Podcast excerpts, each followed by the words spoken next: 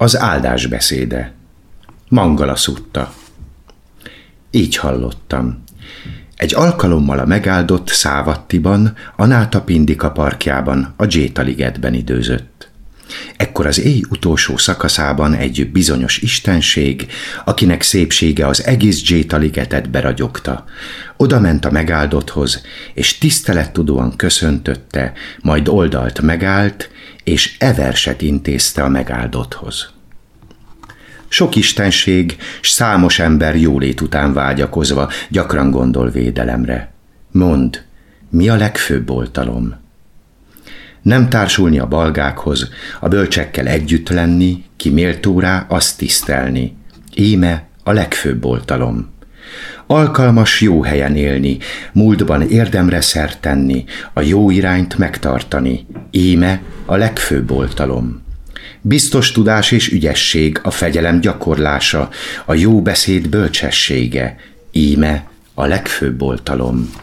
Segítsd anyádat s atyádat, asszonyod s gyermeket szeresd, ne okoz kárt a munkáddal, íme a legfőbb oltalom.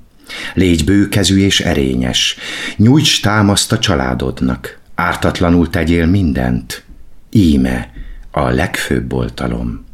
Bűnt elvetve, hátrahagyva, bódítószerektől menten, szilárdan éj az erényben.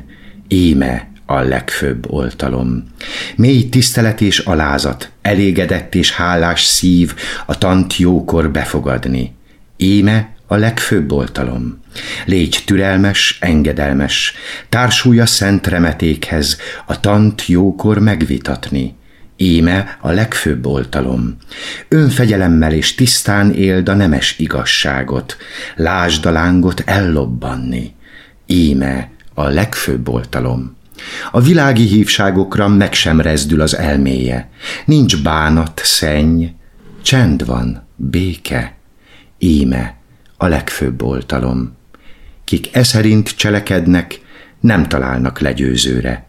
Boldogság lesz osztály részük ez az ő legfőbb oltalmuk.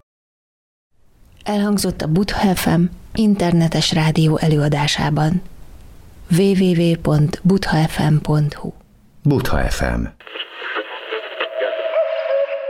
Adásban a tan.